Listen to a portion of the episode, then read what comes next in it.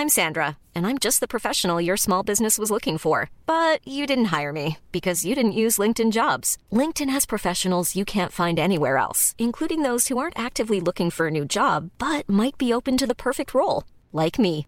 In a given month, over 70% of LinkedIn users don't visit other leading job sites. So if you're not looking on LinkedIn, you'll miss out on great candidates like Sandra. Start hiring professionals like a professional. Post your free job on linkedin.com/people today. Want flexibility? Take yoga. Want flexibility with your health insurance? Check out United Healthcare Insurance Plans. Underwritten by Golden Rule Insurance Company, they offer flexible, budget friendly medical, dental, and vision coverage that may be right for you. More at uh1.com. Many of us have those stubborn pounds that seem impossible to lose, no matter how good we eat or how hard we work out. My solution is PlushCare.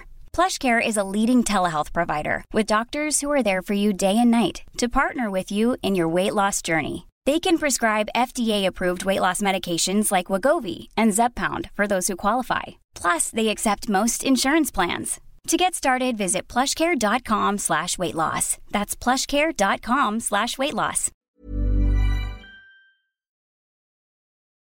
När alla valmöjligheter kväver oss. Varje dag ställs vi inför möjligheten att välja, både i det stora och det lilla. Och för vissa känns många val i livet kanske, livet kanske förutbestämda, men för många finns möjligheten att välja nästan vad som helst, hela tiden. Och det som borde vara en ynnest och upplevas som en stor frihet, det kan istället bli en press och kan faktiskt leda till ohälsa. Så där vi borde kanske känna att vi skulle vara glada över att vi kan göra alla de här valen, så är det många som istället känner oj, valde jag det bästa? Valde jag det rätta? Ja, både vad gäller yrke, fritid, boende, partner. Kan man inte bara få vara, ja, bara slippa optimera allting till det bästa? Jo, men jag tycker att det här är ett ämne som jag upplever i alla fall att jag och människor i mitt liv har diskuterat mer och mer de senaste faktiskt decennierna. Eh, och vi har varit inne på det i podden tidigare. Du kan till exempel lyssna på avsnitt 152 som heter Får du ångest? Får du också ångest av alla val? Där vi pratade med etnologen Kalle Ström, bland annat om det här med choice overload, att vi människor faktiskt blir olyckliga av för många val. Mm. Ja, idag ska vi prata om den baksida som kommer med stor valfrihet och hur vi kan hantera den.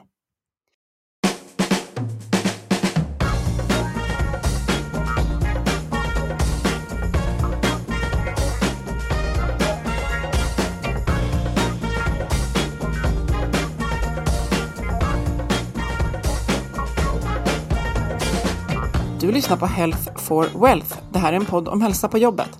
Trots att vi får det bättre och bättre så mår många av oss bara sämre. Nej, men så kan det ju inte fortsätta. Därför tar vi reda på hur företag och organisationer kan bygga långsiktig hälsa och lönsamhet. Och börjar vi på jobbet sprider det sig ofta även till resten av livet. Vi är Ann-Sofie Forsmark. Jag driver företaget Oxigroup.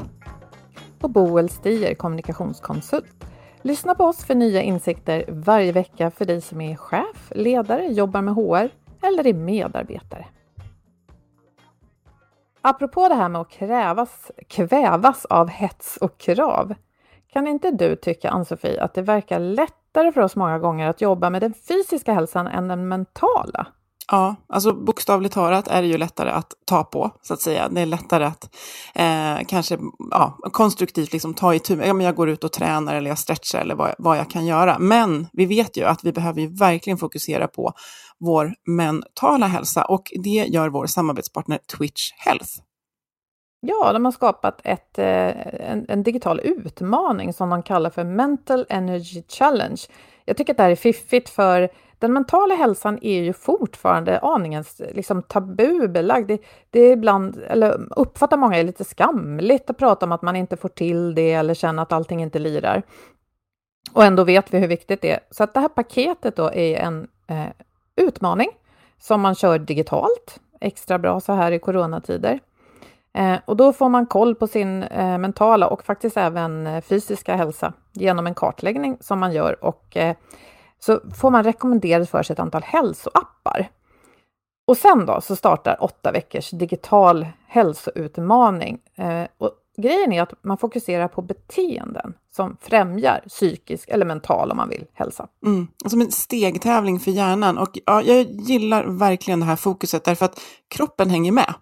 Så kroppen får ökad hälsa också när man faktiskt gör det här. Och en annan sak är att de företag och organisationer som gör det här, de får före och efter eh, Mental Energy Challenge en rapport på företagets hälsostatus och, hälsostatus. Och rapporten visar också eh, hur den här personalen står sig jämfört med Sveriges befolkning. Men kanske viktigast av allt, att man ser, har det skett en förflyttning? Har det skett en förbättring? Och det som passar bra i de här tiderna när många jobbar på distans ifrån varandra, det är ju att som sagt, den här går att göra digitalt. Och det man kan koppla på också om man vill, det är eh, individuell hälsocoaching. Och det kan ju vara någonting som behövs när man, om man upplever att ja, men det här, när man fokuserar på är någonting som jag faktiskt behöver ta hjälp med. Mm. Ja, det är smart tycker vi. Vi länkar till mer om det här i, eh, på inläggets eh, sida på vår hemsida. Men nu över till vår gäst. Vi har med oss Cecilia Wemming. Hon är författare till boken Medelklasskvinnans tysta vrål och har en bakgrund som skribent, opinionsbildare och politisk rådgivare. Och till vardags så jobbar Cecilia med energipolitik och vi tyckte att det kändes lite som att boken handlar om energi, men kanske mer personlig sån. Kan du hålla med Cecilia? Och välkommen! Ja, men tack snälla! Eh, ja, men det var väl en bra sammanfattning. Ja. Eh, jag tror energi i oss inre i våra själar versus energin i samhället kanske och hur de samverkar försöker jag i alla fall beskriva i min bok. Mm. Ja, det är rätt så här uppseendeväckande titel på boken. Varför mm. skrev du den? Var du en medel, eller är du en medelklasskvinna som kände att du ville vråla? Eh, ja, men verkligen, det är jag ju. Eh, undertiteln är Därför mår vi så dåligt när vi borde må så bra.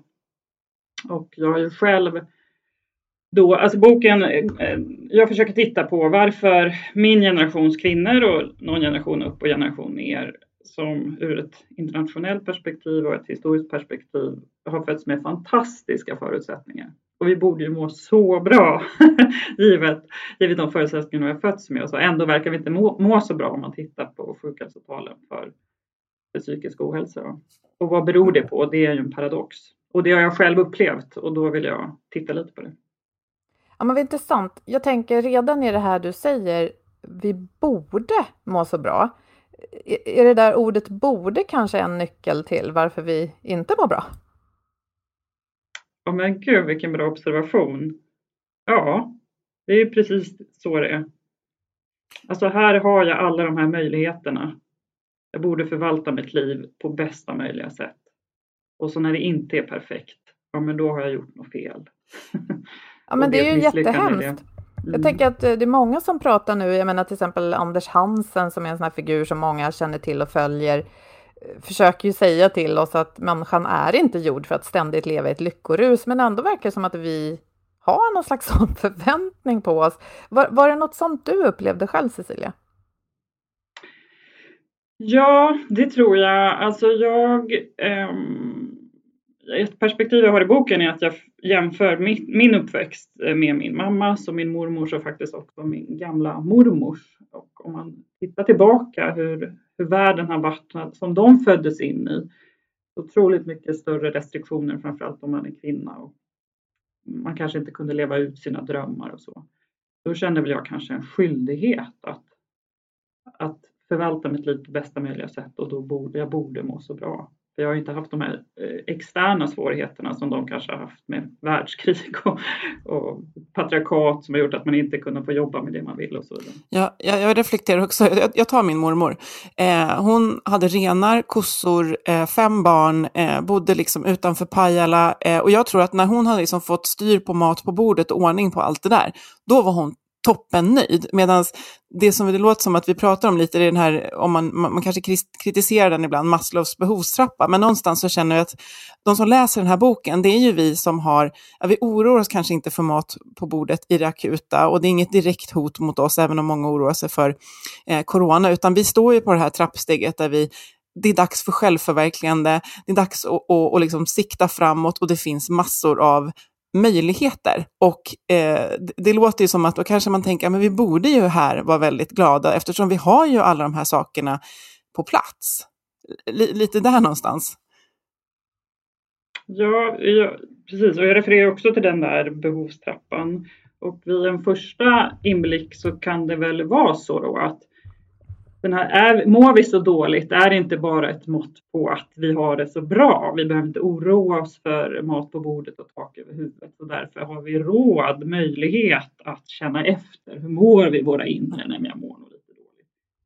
Så, skulle, så tänkte jag när jag, tror jag började skriva boken, men det som för mig har blivit tydligt under när jag skrivit den och eh, efter när jag följt samhällsdebatten och så, det är ju att jag tror inte alls att vi är behovstillfredsställda på de där trappstegen. Alltså, eh, ett trappsteg är ju gemenskap med andra, vilket är jättesvårt i det moderna livet att, att skaffa sig. Vilket kanske var lättare förut när du växte, när du föddes in i ett sammanhang, i en, en tydlig klasstillhörighet, i en familj, i en by, i en yrkesroll, vad det kan vara. Eh, så att, och tak över huvudet är det så självklart idag med bostadskrisen som unga växer upp i? Och eh, ekonomisk långsiktig trygghet. Kommer jag klara mig imorgon, om ett år, om tre år? Nej, det är inte alls säkert att man känner den tryggheten. Så att jag skulle vilja hävda att jag tror den moderna människan behöver jobba på och tillfredsställa massa behov på alla olika trappsteg och det blir liksom lite överväldigande. Jag kan bara hålla med. Jag brukar beskriva ibland man, man håller på med sitt självförverkligande och så har man glömt att ta hand om bitarna under, eller som du säger, eh, faktiskt, de är faktiskt kanske inte fullt på plats som man tror och då blir det en ganska bräcklig liksom, pyramid eller trappa att stå på. Den håller inte riktigt för, för det där femte. Eh, jag tänker i boken så skriver du om, om samhällsförändringar som, som på ytan ser ut att ge mer frihet. Eh, men som vi då pratar om har lett till mer stress och press och, och ångest. Och framförallt då pratar vi om, om unga kvinnor. Men vad är det för, eh, för samhällsförändringar som, som, som du beskriver?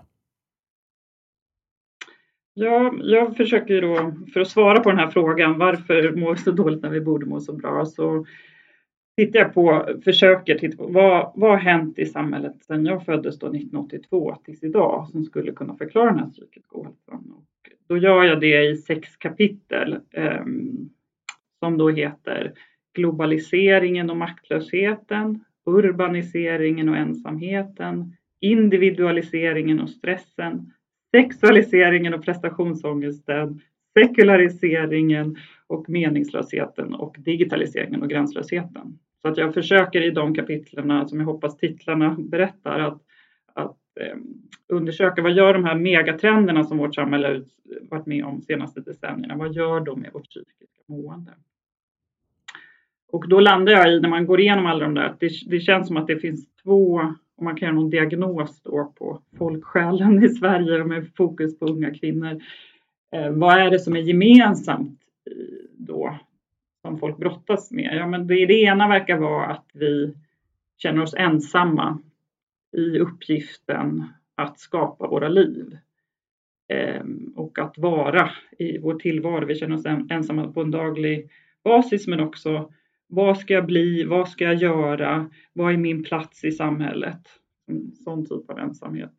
Men också verkar det finnas en stor eh, ofrihet i det att man känner en enorm press på olika nivåer på hur man borde vara, agera, känna, tänka. Som den här pressen då skapar en form av ofrihet på olika nivåer.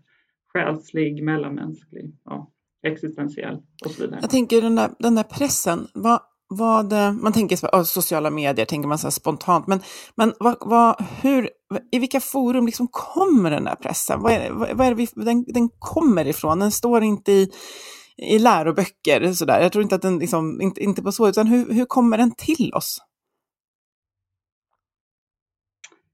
Ja, men jag tror, eh, det är ju det är många olika, det, faktorer såklart som jag, de här kapitlen jag läste upp, det omfattar enorma ämnen så det kanske det går att ge ett svar på det. Men jag tänker att eh, en sak som är nytt tror jag för den moderna människan, det är ju att eh, just det här att vi har friheten, möjligheten att välja våra egna liv. Eh, tidigare så föddes du in i strukturer som sa åt dig vad du skulle göra din pappa var bonde så då blir du bonde. Det är liksom inget att snacka om. Ehm, som kvinna, ja, men du gift dig och blir hemma mamma liksom och jobbar på gården. Typ. Eh, och då, det är en stor ofrihet i det. Det är ett liv som är väldigt trångt och kvavt och man har inga valmöjligheter och andra dikterar ens villkor. Eh, men det kan ju också vara skönt i, att vila i att någon annan dels säger åt en vad man ska göra, så man kan skylla på. Blir det tokigt så kan man alltid skylla på någon. Fan om inte liksom, om jag hade fötts i en annan klass, om jag hade fötts i ett annat, av en annan, i ett annat kön, om pappa inte hade sagt åt mig, tvingat mig att, om prästen inte hade och så vidare. Så man har ju inte själv ansvar för sina egna misslyckanden då på ett sätt, vilket kan vara skönt att skylla på någon. Och sen tror jag också att eh, man har ju då en upptrampad stig att gå i. Det finns generationer och generationer före en som har gjort ungefär samma sak. Som kan säga så här ska du bete dig för att det ska bli hyfsat bra. Men vi i det moderna livet, vi har ju inga föregångare och vi ska själva, det, det är inte en trång folla vi ska promenera i eh, som är utstakad åt oss, utan vi har oändliga vägar på en stor vidd liksom, som vi kan gå. Och vi måste välja det själva. Och hamnar vi på fel plats där längre fram, då har vi bara oss själva att skylla. Och det är en enorm börda att bära, tänker jag, som är väldigt lätt skapar mm. ångest. Jag kan, får, jag, får jag läsa ett ja, citat ja. som jag tycker är bra? det är faktiskt Marx eh, som har skrivit det. Han skriver så här. Att vara modern är att befinna sig i en miljö som utlovar äventyr, makt, glädje, växt, förvandling av oss själva och världen och som samtidigt hotar att förstöra allt vi har, allt vi känner till och allt som vi är. Ja, maffigt. Och det där tycker jag fångar, fångar mycket. Att det häftiga i den tid vi lever i, oändliga möjligheter, kul, spännande, men också hur fan ska mm. det gå? Mm. Ja, men det är häftigt också hur det här citatet visar att den modernitet du pratar om, den är inte bara några årtionden gammal, den är ju ja, nästan 200 eller åtminstone 150 år gammal. Mm. För, för jag tänker, jag var redo här, satt redo i bakfickan och tänkte utmana er lite grann eftersom jag är då kanske åtminstone tio år äldre än du Annie. För jag vet att på, säg då, ja, mm, tidigt 90-tal, 1990 ungefär, eh, minns jag en arbetsplats jag hade som ung. Det här var innan digitaliseringen, helt klart, måste vi ju säga. Vi hade inte datorer hemma, vi hade inga mobiltelefoner. Och så hade jag en diskussion med en lite, något äldre person på jobbet som hade en dotter som var så 18 någonting och han, han sa det här, ja ah, men ni unga nu, han, han pratade också om det här i termer av att vara invandrare, för det var han. Men han, och då sa han, ja ah, men där jag kommer ifrån, så målade han upp lite mer den här bilden du eh, pratade om Cecilia, att det fanns lite mer tydliga spår för hur man skulle leva. Och han menar att här i Sverige och även i den här tiden, så ni kan i stort sett välja vad ni vill och det får er att må dåligt. Och jag tänkte att ja, men det satte ju han fingret på redan då och det verkar som även Marx har gjort det. Så mm. ibland tror ju vi att saker och mm. ting är så typiska för vår tid, men jag tänker också det här att bygga upp ett samhälle där vi kollektivt tar ansvar för trygghet. Det har vi ju hållit på med liksom gradvis i åtminstone hundra år eller mer. Och även sekulariseringen är ju liksom, ja men den har väl gradvis pågått i hundra år. Så frågan är så här, vad är det som är specifikt nu då? Alltså, har du tänkt på det här Cecilia? Vad som är specifikt för just till exempel din och vår generation nu? Ja men absolut. Jag tror att eh, som du säger, det är ju liksom långa linjer. De har inte uppstått över en natt 1982. Eh, däremot så tänker jag att eh, de här megatrenderna har liksom eh, accelererat i styrka Eh, och bara med digitaliseringen är exponentiell så liksom förändringstakten eh, senaste årtiden har ju bara blivit snabbare och snabbare. Eh, så jag tänker att eh, bara när man tittar någon generation innan mig, om man är född mitt på 70-talet, ja, men då växte man upp i det här som kallas, Fredrik kallar DDR-Sverige där det var ganska förutsägbart. och det fanns liksom, man valde inte skola och efter gymnasiet gjorde man lumpen och eh, det fanns hyfsat med bostäder och liksom även om liksom globaliseringen var på gång och även om digitaliseringen var på gång och man kunde välja så var det ändå som krusningar på ytan. Man kunde förhålla sig till, till utifrån en hyfsat stabil situation. Men nu om man tittar speciellt yngre generationer som växer upp nu så är ju alla liksom, eh, hörnstenar i tillvaron. Det finns inga hörnstenar i tillvaron. Allt rör sig och de rör sig jättesnabbt och du måste eh, omnavigera det hela tiden. Kompassnålen snurrar fortare och fortare. Eh, så det tror jag, jag tror bara tempot och omfattningen har ökat. Och därmed blir det svårare att förhålla sig till. Och jag tänker på en sak till, för jag då som är uppväxt i DDR-Sverige med eh, två kanaler på mm. tv och, och lite så här, vi, nej men alltså mina föräldrar valde ju inte så mycket hur de skulle placera sin, sina pensionspengar och sådär.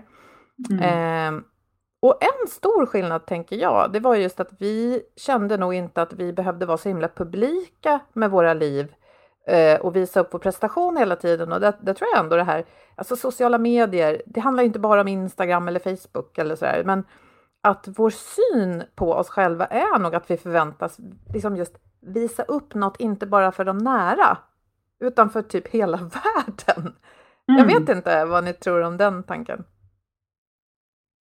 Jo men absolut.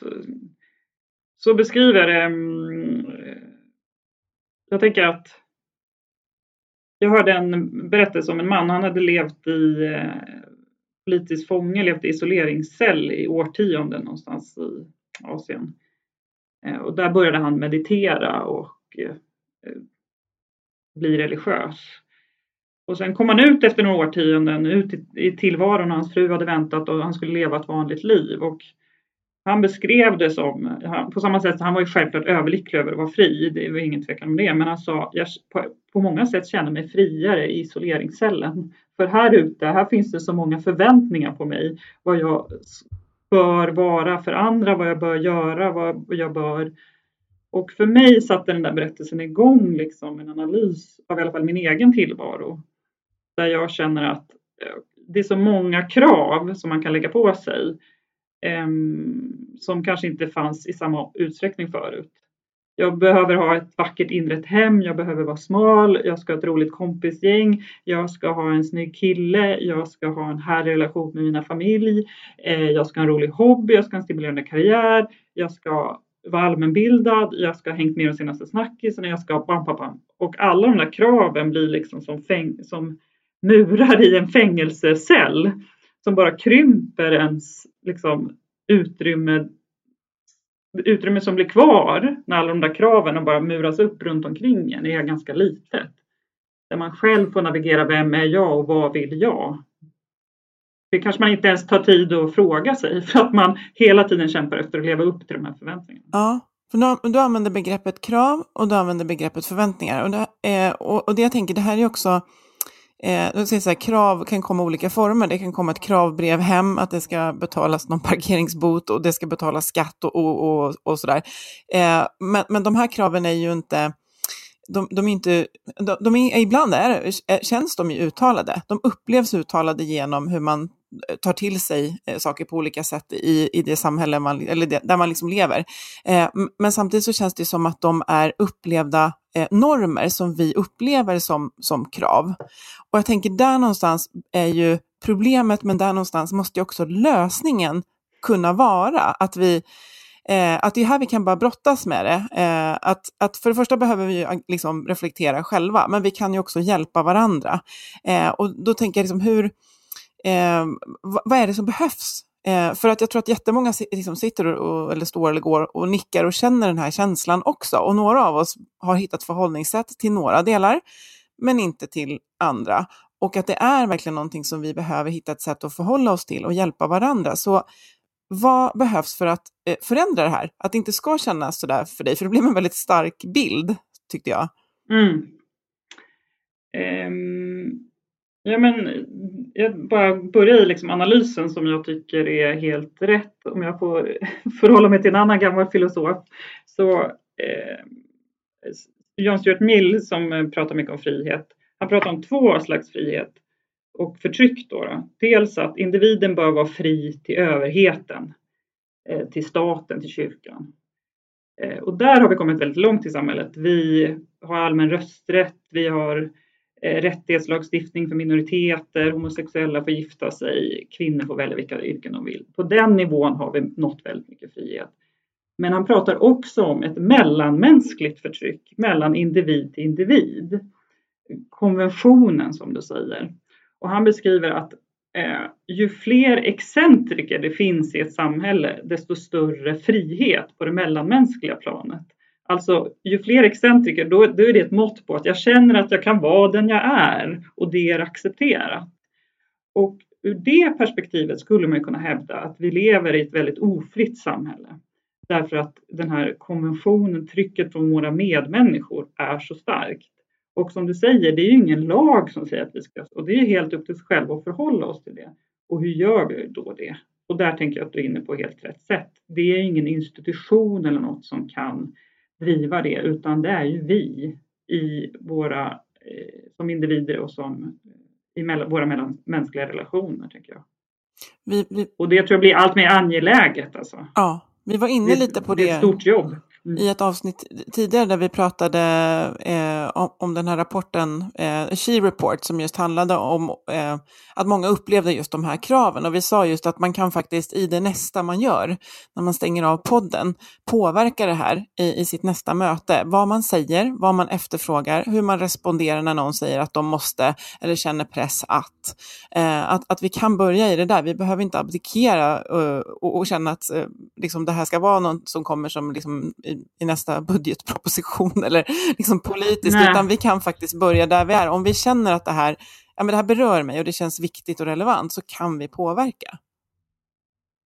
Ja, och jag tror till och med att du är inne på att, att jag kan ta ansvar för hur någon annan mår på ett möte och jag tror steget innan det är faktiskt att ta ansvar för sig själv.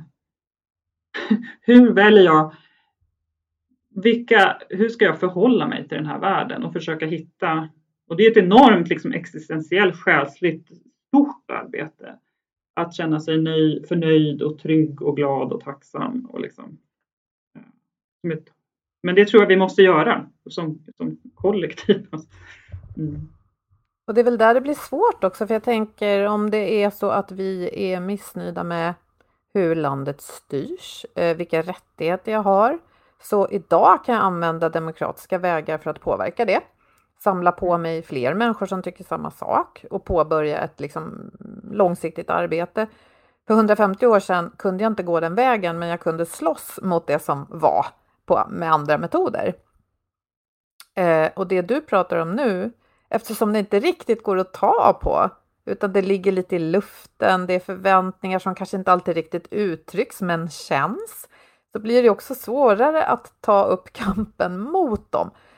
Mm. Och jag tycker det låter klokt att vi kan alla ta ett delansvar både för hur vi själva beter oss och hur vi liksom agerar mot andra. Men alltså, håller ni inte med mig om att svårigheten är just också det här, vi kan inte bara sätta upp det som en agenda eller en, en, en actionlista så här. Ja, är ni med? Mm. Men om vi tar konkret då, vad, som, jag tänkte på en sak nu Cecilia, nu kanske jag vänder det här mot dig lite grann, men bara få pröva en Nej. tanke. Ja. För jag läste häromdagen i Svenskarna och internet, den här undersökningen som görs årligen om hur vi beter oss på nätet, var, vilka kanaler vi är i och sådär. Eh, och den, eh, förlåt, det var inte den, det var en annan undersökning som Skandia gjorde som jämförde hur unga såg på livet och framtiden idag och för 20 år sedan.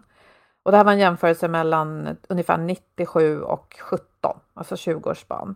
Och en sak som var väldigt tydlig var att mm, eh, unga människor då idag eh, såg sig själva som mycket mer ansvariga. Individuellt ansvar, den känslan hade ökat väldigt mycket. Och det är ju på gott och ont. Jag tänker att det kanske kopplar till det här. Och då tänker jag när vi pratar om psykisk ohälsa och, och att människor som är unga inte mår bra, så vi hamnar ju ofta där att man måste också själv ta ansvar för hur man tänker och, och för det påverkar hur man känner. Och är inte risken där också att om vi liksom om vi gör det här fel så lägger vi ytterligare ansvar på unga kvinnor kanske att ja, nu mår du dåligt, men det är för att du hänger på Snapchat hela tiden och nu måste du faktiskt ta ansvar själv. Va, vad säger du Cecilia om det? Ja, jag håller med om det och samtidigt tänker jag att ingen förändring kan komma förrän man själv vill ha den förändringen. Alltså. Men det blir en press också så att det är oerhört svårt.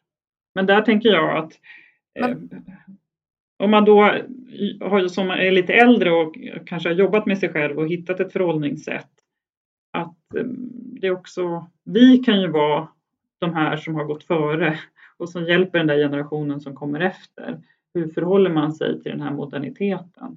Och eh, försöka vara förebilder och inspirationskällor eh, i det. Men det är väl klokt. Får jag skjuta in en sak? Så här, någonting som det är lätt att vara en inspirationskälla i är väl ändå att, att visa att man får vara människa. Mm. Vi pratar ibland om ledarskap här i podden. Och en sak vi vet är att en, för att en ledare ska liksom knyta an och få gehör så är det väldigt smart och bra att bjuda på sina egna misstag. Och kanske det finns en Ja, men precis. Eh, att vara, våga vara liksom eh, sitt autentiska jag på något sätt. Och även fast det är sårbart.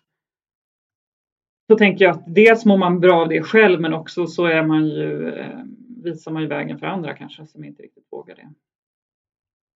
Jag tänker om vi kommer in, vi, vi poddar ju främst om, om, om arbetsplatsen, trots mm. att det, det, är människor som kommer in där. Eh, mm. Och då tänker jag att det här, eh, det, det, här liksom präglar ju oss på, på jobbet också. Boel var inne på det, att vi pratar om, om, om ledarskap och funderar lite på liksom hur vi kan eh, bemöta det här på, eh, på jobbet. Har du några tankar kring det? För där, där möter vi varandra ganska mycket. Ja, men precis. Ehm, och gud, en massa på ett sätt tankar om det, om stort och smått. Men, ehm, men dels tänker jag så här rent konkreta saker att ehm, jag mediterar ju varje dag exempelvis. Men det, vart, vart ska jag meditera? Alltså jag tror att i den allt mer uppkopplade världen så tror jag kanske också arbetsplatser måste vara bättre på att skapa miljöer där man kan koppla bort från allt som heter sociala medier och ta eh, och datorer och andra människor och ta en mental paus och sådär. Eh, men och sen är det det här ständiga, att, att skapa luftigare scheman tänker jag, så att man får tid att prata. Så att man inte bara är steget till nästa möte. Jaha, hur är det med dig? Är det bra? Bra? Ja tack, bra. Då går vi in och nästa och producerar. Utan att man faktiskt, att det finns så pass mycket luft att man kan spontant falla in i ett, ett lite djupare samtal. Och att det ska finnas miljöer för det. Mm. Tänker jag. Behövs. Men det finns ju, det behövs massa saker. Jag vet inte riktigt. Men det där är väl jättebra, det är något som vi brukar prata om också, för ja, det blir lätt så här att livet är ett enda långt Excel-ark mm. med boxar som ska fyllas. Mm. Liksom. Att allting ska ha att allting ska ha ett mål och det här är också en del i den här optimeringshetsen. Mm, precis så. Att vi rätt sällan ger utrymme för det som bara är något gott i sig själv, som kanske ett, ett fint möte. Exakt. Att det alltid ska leda till någonting. Eh, hjälp mig nu Boel, vad heter den danska filosofen som vi båda läst böcker av? Sven Brinkman. Ja. Ja, alltså, sånt som är riktigt ja. viktigt, det ska inte leda, det behöver inte leda, det gör det ofta i sig själv, men det kan få vara, alltså att vi har ett samtal kan, nu blir det ett poddavsnitt av det, men det kan i sig vara helt fullt hundraprocentigt meningsfullt att göra det här, att vi pratar med varandra, att vara snäll, eh, att sitta och ta det lugnt, ja, bara för att då kan jag prestera på nästa möte. Nej, att sitta och ta det lugnt och bara lyssna på ljud omkring mig kan i sig fylla ett syfte. Och det där tror jag att vi underskattar behovet av och kanske framför allt på arbetsplatsen när vi eh, ständigt jagar den här frågan varför och vad ska det här leda till? Men även där kanske vi behöver ha just det här som du är inne på, eh, både struktur och kultur för att stanna upp och bara eh, Eh, eh, nu ska vi bara fokusera på att vara här just där vi är. Om vi mediterar eller andas eller sitter och diskuterar någonting. Så det där tror jag är wow, det krävs en modig arbetsplats för det, men det behövs. Ja, för jag bara tänker som en reflektion, alltså när jag började, jag är ju så här prestationsprinsessa då och eh, produk, produktivitet är viktigt liksom på jobbet. Och jag minns när jag började och jag liksom, gud vad jag, jag skäms här efterhand, men vad jag föraktade de här äldre människorna som gick runt och bara, tyckte jag, bar papper. Liksom, vad gör de om dagarna? De där, gör, han, gör han någonting? överhuvudtaget. Och det bara fikas och det händer ingenting. Och jag liksom levererar, levererar, levererar. Men nu, nu är det liksom mitt totemdjur. Typ. De där tanterna och farbröderna som går runt och vänder papper. För att alltså ha den, det lugnet. Och jag är inte säker på att det är improduktivt. Jag tror att det bygger jättemycket så institutionell kunskap och eh, trygghet på en arbetsplats som behövs. Mm. Det blir så jag tror lite mer åt det hållet. Liksom. Det är ett helt underbart totemdjur. Alltså det här kommer jag ta med mig och, mm. citera. Eh, men jag tycker, jag tycker det blir så en otrolig clash, för jag känner igen mig och jag känner det du beskriver nu, där är ju jag när jag har hämtat eller ska, eh, har lämnat eller ska hämta på förskola eller skola. För då har jag jag, jag rationaliserar bort det där, därför att jag behöver gå in och bara producera, för att jag behöver gå klockan tre. Eh, men jag tycker att det är bra, alltså man, man kan ändå kanske ta till sig det som något positivt, att det där behöver också få finnas. Och en dag så har jag det lite mer sådär, att jag kan gå runt med en bunt, ja, kanske inte papper längre då, men en, en digital version av det. Eh, underbart mm. totemdjur. Mm. Jag tänker också att det är en bild av trygghet, för lite som du säger, de här pappersbuntsfigurerna eh, kanske faktiskt tillförde en hel del värde. Men att du i din ung, ungdomliga mm. hunger liksom inte såg det på Exakt. dem. För jag känner igen mig jättemycket i det där också. Eh, när jag var ung och började på eh, Svenska Dagbladet och tyckte så här, va? Ska man vara ledig på helgen när man är journalist? Då ska man väl liksom vara ute där och, och liksom fånga sånt som är viktigt. Det är väl inte jag hade ingen tanke på att man kanske hade familj och barn och behövde få ihop livet. Det var så här, åh, trötta mm. människor liksom. Men det kanske är naturligt också att unga ska få vara så här pusha och liksom ifrågasätta. Ja, och å, återigen då att vi som är då lite mer mitt i livet kan få stå för den här tryggheten och bara ja, ja, jag är du, det är jättebra, men jag står här och är mm. trygg när du ramlar mm. ibland. Liksom. Mm. Vi, vi är lite excentriska, du var inne på det, vi är lite excentriska för varandra och det är det som behövs. Vi behöver, eh, vi behöver vara olika och få vara olika. Eh, men jag tänker, har du sett någon så bra eh, initiativ eller liksom framgångsfaktorer eller framgångsexempel på när man lyckas liksom förhålla sig till de här upplevda kraven, kraven och, eh, och normerna som vi kan liksom lyfta fram? På arbetsplatsen menar du? Mm. Ja, eller, eller liksom generellt. Jag tänker, vi pratar mycket om liksom, kanske just unga människor som, som eh, ja, kanske är på väg in i arbetslivet eller är i arbetslivet, men där man behöver rusta sig eh, för eller mot det här, hur man nu ser på det. Ja, och gud vad svårt. Alltså jag tror, en grej, en rolig grej som jag hörde om, det var på en arbetsplats, eh, ett gäng säljare Eh, och de hade anammat en metod från liksom tolvstegsrörelsen. Att de, varje morgon så hade de en incheckning. Och varje så gick man laget runt och delade om hur man mådde. Idag är jag ledsen för min farmor har dött. Liksom. Ehm, eh, och då har man med sig det och då kanske man är lite mer förstående för att den där kollegan inte är så produktiv just nu eller eh, att det bygger större mellanmänskligt på något sätt. Acceptans och förståelse och omsorg tror jag. Så det tyckte jag var häftigt. Det var inspirerande. Och han beskrev ju då att deras mm. försäljning hade ökat enormt också. Då. för då blev de ett team och stöttade varandra. Och så ja. så att, eh, mer mellanmänsklighet tror jag på arbetsplatsen är väl en sån här framgångsrecept tror jag. Just det, att ge utrymme för det även om man är ledare som känner sig otroligt pressad från andra ovanför en. Att ja, nu ska vi effektivisera och så. Att, att fatta att de där vägarna leder också till att vi faktiskt presterar bättre. Även om vi nu inte ska instrumentalisera Nej, allt som Sven Brinkman säger. Eh, att, att veta att man kan vila i att om man lägger värde i det mellanmänskliga så ger det mycket på många sätt. Mm. Det hindrar oss inte. Nej, men precis.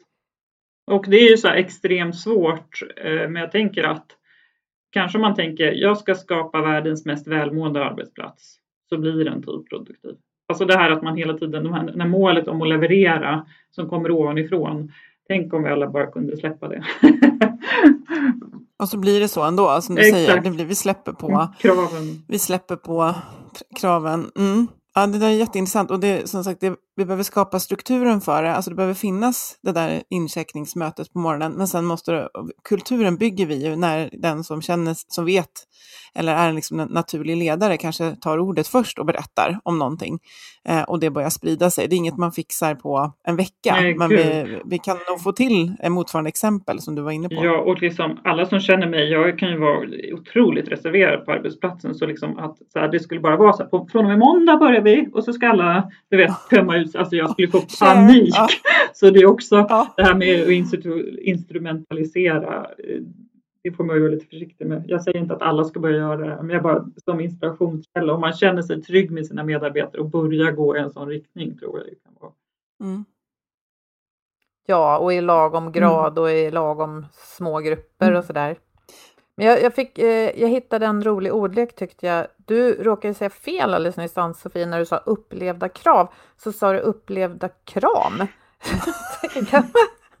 Freudian slip. Men det tänk, ja, men jag tänker så här, kan vi inte tänka att om vi istället för att bara liksom tänka att vi signalerar till omgivningen alla upplevda krav som vi ställer på andra, så ska de ibland också känna att det finns en upplevd kram. Mm.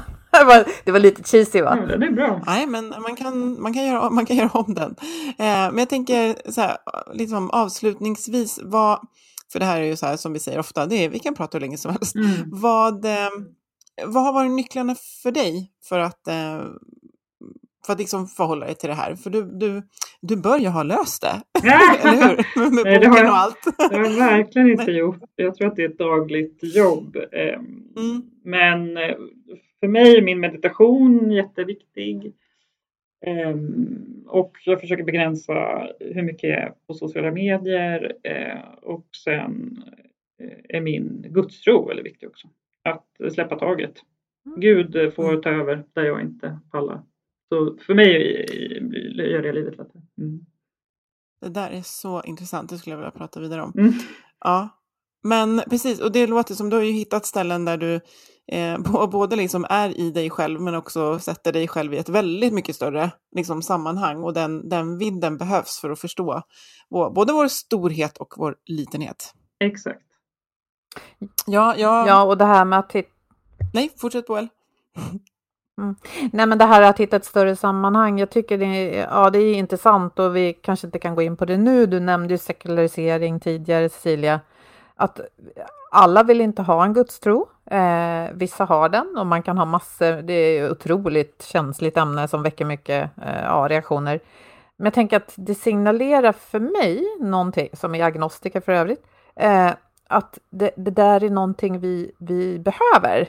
Det behöver kanske inte vara en tro, men vi behöver ju känna att vi, att vi tillhör någonting större och också att vi kan arbeta för någonting större. Och det kan ju för vissa vara kanske att jobba för klimatet, en sån här jätteödesfråga.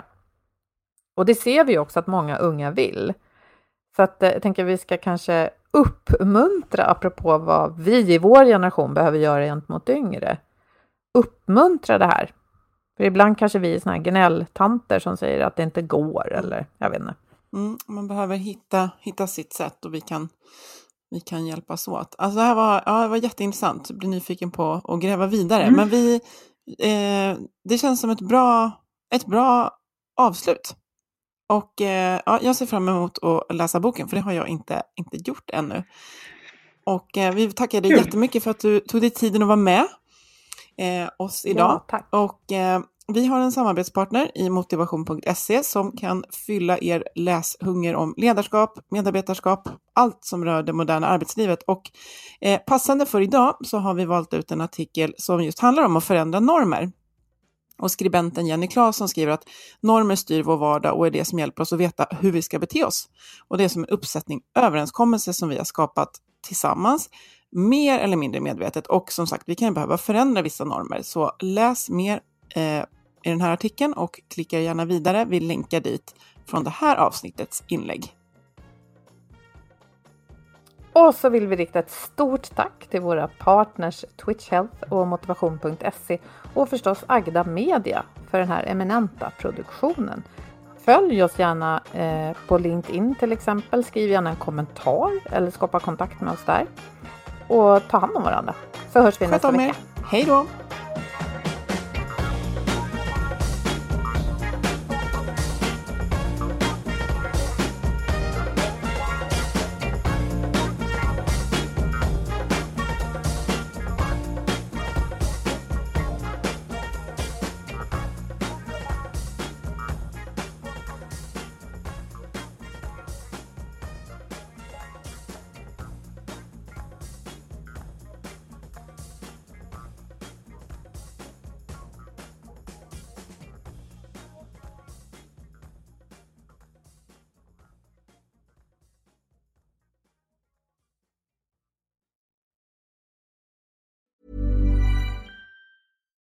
Flexibility is great. That's why there's yoga. Flexibility for your insurance coverage is great too. That's why there's United Healthcare Insurance Plans. Underwritten by Golden Rule Insurance Company, United Healthcare Insurance Plans offer flexible, budget friendly coverage for medical, vision, dental, and more. One of these plans may be right for you if you're, say, between jobs, coming off your parents' plan, turning a side hustle into a full hustle, or even missed open enrollment. Want more flexibility? Find out more about United Healthcare Insurance Plans at uh1.com. Hi, I'm Daniel, founder of Pretty Litter. Cats and cat owners deserve better than any old fashioned litter. That's why I teamed up with scientists and veterinarians to create Pretty Litter. Its innovative crystal formula has superior odor control and weighs up to 80% less than clay litter. Pretty Litter even monitors health by changing colors to help detect early signs of potential illness. It's the world's smartest kitty litter. Go to prettylitter.com and use code ACAST for 20% off your first order and a free cat toy. Terms and conditions apply. See site for details. Even when we're on a budget, we still deserve nice things. Quince is a place to scoop up stunning high end goods for 50 to 80% less than similar brands. They have buttery soft cashmere sweaters starting at $50, luxurious Italian leather bags, and so much more. Plus, Quince only works with factories that use safe, ethical, and responsible manufacturing. Get the high-end goods you'll love without the high price tag with Quince. Go to quince.com/style for free shipping and 365-day returns.